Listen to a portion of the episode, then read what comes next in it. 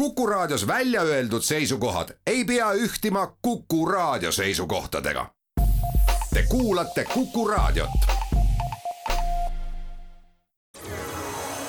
loodusajakiri, vaata ka looduseajakiri.ee. tere, kena reede õhtut kõigile teile, head Kuku Raadio kuulajad. loodusajakiri alustab. täna on saates külas ajakirja Eesti Loodus toimetaja Juhan Jaavus. tere, Juhan. tervist mina olen saatejuht Tiiu Rööp. palusin sind saatesse külla, sestap et on valmis saanud ajakirja Eesti Loodus septembri number ja see keskendub looduskaitsele ja sõjale. läbi ajakirja numbri vaadeldakse, kuidas inimestevaheliste konfliktide sõjaline lahendamine mõjutab teisi elusolendeid. nii näiteks leiab siit infograafikat Ukraina sõja keskkonnamõjudest või siis militaarsetest jälgedest Eesti maastikel. Aleksei Lotman kirjutab sõjast ja looduskaitsest ja tema mõtete hulgast üks on, mis jäi mind kummitama ja, ja mida ma esile tahaks tõsta, on see, et me peaksime tõsisemalt mõtlema, milline on metsakasutuse ja looduskasutuse maastiku mõju riigikaitse seisukohalt. millised mõtted sinule sellest loost kõige enam meelde jäid? sellest loost äh, jäi mulle ka võib-olla seesama, seesama asi kõlama väga praktilisena. ma ei ole küll mingisugune sõjandusekspert, aga tundub äh, ju mõneti täitsa loogiline, et sellistele suurtele soomusmasinatele, mida praegu Ukrainas oleme näinud ringi sõitmas tihti pikkade suurte hulkadena, võiks ju korralik mets olla täitsa tõsiseltvõetav takistus ja samas on ju äh, juba kaua aega löönud äh, loodusteadlased kella sel teemal, et et meil oleks Eestis kindlasti vaja sellist sidusat äh, rohevõrgustikku, loodusalade võrgustikku, et kaitstavad liigid ei oleks mitte lihtsalt rahule jäetud neis paikades, kus neid on leitud, vaid et nad saaksid liikuda ka ühest paigast teise. Ja minul hakkas kohe mõte jooksma, et need kaks eesmärki võiks ju omavahel ühitada, et, et selline sidus rohevõrgustik võiks ju väga korraliku ja põhjaliku läbimõeldud planeerimise puhul ühilduda ju väga hästi sellise sidusa metsaste kaitseliinide võrgustikuga, kust äh, siis võimalikud äh, läbimurded, läbipääsuteed, kõik on ette arvestatud ja vaenlase vaatame olukorrale otsa küllaltki tõenäolise rünnaku korral oleks äh,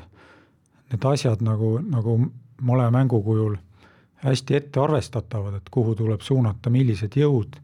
sest äh, nagu meile see käimasolev sõda Ukrainas on ju näidanud muuhulgas, et äh, erilist kõrgtehnoloogiat ida poolt on lootust, et peale meil ei tule, vaid, vaid ikka seesama massiga löömine, no mille vastu siis mets ajalooline kaitseliin, mets võiks siis olla ka tulevikus täitsa tõhus kaitse, et mul hakkas äh, kohe selles suunas äh, mõte jooksma ja muidugi selle juurde siis niisugune abituse emotsioon, et et nagunii nad leiavad mingi ettekäände, miks ei ole hea mõte ja miks on targem äh, metsad ikkagi maha võtta ja rahaks teha. aga noh, elame-näeme. aga selles Aleksei Lotmani loos muidugi ütleme, refräänina jäi kõlama siis üks mõte, igaks juhuks tutvustan selle loo ka üldisemalt ära, et et siin on vaadeldud siis just äh, sõja ja looduskaitse ja sõja ja looduse seoseid ja riigikaitse ja looduse seoseid äh, hästi mitmest aspektist, aga, aga refräänina jääb jah kõlama see, et et sõda on tavaliselt ka kellegi suur äri ja tihtipeale ka võimalus teha lobitööd, maskeerimaks eraviisilisi ärihuve ühiskonna huvideks. Ja seda me kohe Ukraina sõja algus, ma ei mäleta, kas päevadel või nädalatel, väga tragikoomilisel moel, ma ütleksin, nägime, et kuidas metsatöösturid kargasid kohe noh, piltlikult öeldes puu tagant välja oma plaaniga, et raiemahte peaks ikkagi suurendama selleks, et, et see ida poolt tulev puidu puudujääk siis korvata ja noh, nagu Aleksei Lotman äh, välja toob ka ja, ja meediaga kursis olevad inimesed hästi teavad, et tegelikult see puidu eksport sel ajal hoopis ida poolt äh, suurenes. et see on isegi natuke selline koomiline näide ja kohe meil siit lähedalt võtta, aga aga laias laastus ei tohi jah kunagi unustada, et sõda peetakse ressursside pärast ja tihti nende ressursside jõul. tihtipeale mingid rühmitused, mis võitlevad mingite ressursside eest, siis kasutavad neid samu ressursse, et oma võitlust rahastada. see probleem on globaalne ajakirja Eesti Loodus septembri numbrist leiab ühe loo, mis on väga otseselt seotud sellega, mis toimub Ukrainas. Inga Tomson kirjutab sellest, milline on Ukraina lemmikloomade olukord sõjast laastatud piirkondades ja seda on väga valus lugeda. jah, Inga Tomsoniga tekkis isegi võib-olla natuke juhuslikult see koostöö meil, et ta kõigepealt pakkus meile hoopiski Ukraina ajakirjaniku väga põhjalikku ja, ja jällegi väga valusat lugemist sõja keskkonnamõjude kohta, kus oli siis üksikasjalikult äh, lahterdatud erinevad, erinevad hädad, mida see agressioon äh, praegu on kaasa toonud ja toob kindlasti veel, äh, veel kõvasti juurde. Et siis õhu saastamine, keskkonna saastamine, mullastik, vesi, mürgid ja nii edasi, et neid, neid asju me loeme ju igapäevaselt lehest. Ja veel oli seal see nüanss, et tõesti vaenlane Ukrainas kasutab sõna otseses mõttes põletatud maa taktikat, et ka laastab looduskeskkonda sihipäraselt selleks, et oleks ülesehitustöö raskem ja et Ukraina riigil oleks raskem taastuda, aga selle, selle artikli me sel hetkel otsustasime just sellepärast äh, jättagi avaldamata, et Eesti looduse lugeja on looduse teemadega niivõrd hästi kursis, et kõik need asjad talle tegelikult ei ole uudis. et need kõige hullemad äh, sõja mõjud keskkonnale ja loodusele ongi sellised, kus äh, isegi praegusel hetkel ei olegi midagi kirjutada, sest kõik teavad seda niigi ja noh, võib öelda, istuvad käed rüpes, sest nad ei saa lihtsalt mitte midagi sinna teha, et on näha, et olukord on väga hull, aga midagi teha ka ei saa, et need jõud, mis tegutsevad, tegutsevad palju kõrgelt üle ütleme siis Eesti looduse lugeja peade. aga juhuslikult selle suhtluse käigus tuli meelde et see autor Inga Tomson ise siis käib äh, Ukrainas äh, viimas abi, humanitaarabi inimestele, aga, aga põhiliselt äh, ka lemmikloomadele või inimestest sõltuvatele koduloomadele Ukrainasse ja palusime siis temalt hoopis sel teemal sellist väikest olustikulist ülevaadet. ja ta mõned olustikupildid pani kirja ja ta on küsitlenud ka neid inimesi, kes tegelevad just loomade päästmisega praegu Ukrainas, päris mitut äh, selliste organisatsioonide äh, juhttegelast ja need muljed siis väga põgusalt kirja pannud. Ja esmapilgul võib-olla sellisele Eesti talupoja mõistusele tundub tõesti naljakas, noh, kas just naljakas, aga, aga ütleme siis, et natuke veider, et äh, kui relvad tapavad äh, naisi, lapsi, vanureid, oma kodu kaitsvaid sõjaväelasi, et kuidas saab mõnel inimesel olla mahti tegeleda selliste nii-öelda kõrvaliste olenditega nagu, nagu lemmikloomad ja koduloomad, aga seda, seda lugu lugedes ja eriti noh, pilt räägib rohkem kui sõnad, et vaadates seda avapilti kolme jalaga jäänud koerast, kes sellest hoolimata vaatab usaldavalt ja optimistlikult fotograafile otsa, et äh, seda lugedes ja vaadates tekkis tunne, et neid, kes äh, siis neid ravivad ja kaitsevad ja püüavad kokku koguda, on tohutult palju vähem kui neid, kes hoolitsevad siis inimohvrite eest. Ja, ja, ja siis seda väikest lugu lugedes väga üllatav oli ka see, et Ukrainas tõesti leidub koha peal päris palju neid inimesi, kes on ennem südamega olnud äh, loomadega tegelemise küljes ja kes nüüd selles väga drastiliselt muutunud olukorras ei ole seda ei ole seda jätnud ja isegi avaldatakse tänu mõnedele kodulooma toidufirmadele, kes on jäänud Ukrainas, näiteks Harkivis ründealuses linnas siiski tegutsema ja, ja hoiavad äh, neid võrgustikke vee peal, samas kui paljud ettevõtted on sealt kiiresti jalga lasknud,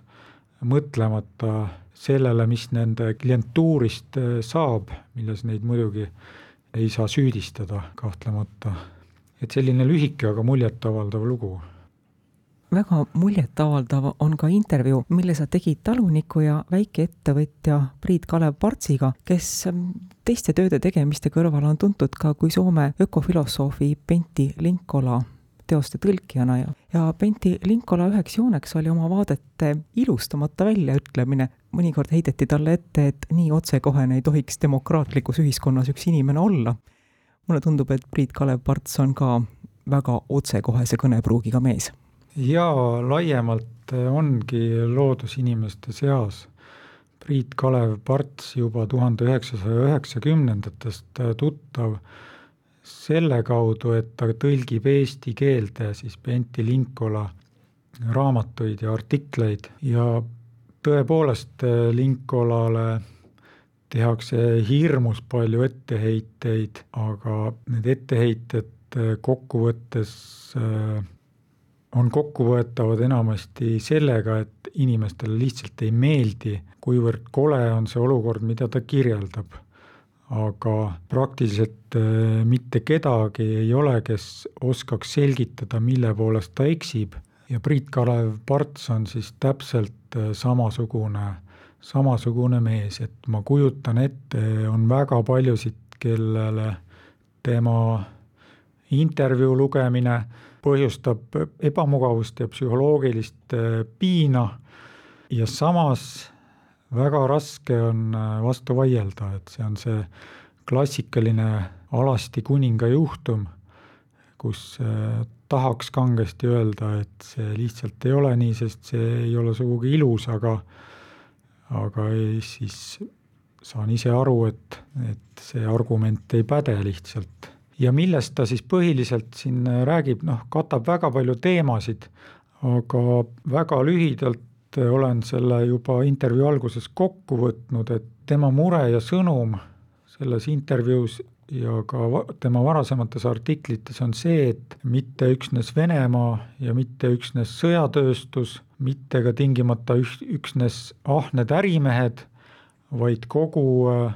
tänapäeva tsivilisatsiooni toimimise alustalad majanduskasvust, tööstusest, loodusressursside ekspluateerimisest alates ja lõpetades siis isegi teadus- ja haridussüsteemiga, on see probleem, mille tõttu need sõjad üles kerkivad ja mis sõdu toidavad seda ta on pikalt lahti seletanud ja see intervjuu võib-olla on see, mida ma selles numbris kõige rohkem soovitaksin lugeda esmajärjekorras. Ja Priit-Kalev Partsi puhul on üks põhjus, miks tema juttu võtta natuke tõsisemalt ka see, et ta ei ole ainult teooriamees ja jutumees, nagu neid ju tänapäeval väga palju esile kerkib, vaid ta on aastakümneid juba südamega üritanud ka oma ideid praktikasse rakendada, et et kogunud äh, seda rahvusliku ehituse pärimust, äh, püüdnud seda edasi anda Viljandi Kultuuriakadeemia õppejõuna ja korraldab praegu äh, lastele pärimuslaagreid ja, ja muidugi põhiline huvi minul oli, oli tema talumajapidamine, kus ta siis ise püüab kestlikku talumudelit luua ja sellest on siis intervjuus ka teises pooles päris palju juttu ja ka pilte, mõned pildikesed tema talust, et äh, just sellepärast tasub tema poole vaadata huviga, et kuidas praktiliselt seda alternatiivset elustiili võiks hakata otsast harrastama, et kuskilt peab ju pihta hakkama ja ja kõige parem on pihta hakata oma koduõue pealt. Kõigest sellest, millest saab lugeda ajakirja Eesti Loodus septembri numbrist, me rääkida ei jõudnud. lisaks nimetatud artiklitele saab veel teada, kui keskkonnahoidlik on meie Kaitsevägi, millised on sõjategevuse jäljed maastikul, saab lugeda ka Taani kivilinnuse rajamisest Saaremaal kaheksasada aastat tagasi, leiab näpunäiteid, kuidas ennetada soovimatuid külalisi oma kodus, on ka ülevaade Matsalu loodusfilmide festivalist ning rajakaameraga tabatud mätta elanikest. on teisigi teemasid. saatejuht Tiia Rööp tänab külalist. aitäh, Juhan Jaavus, külla tulemast, aitäh jutuajamise eest, aitäh kõigile, kes kuulasid. ilusat nädalalõppu teile ja jälle kuulmiseni. loodusajakiri, vaata ka looduseajakiri.ee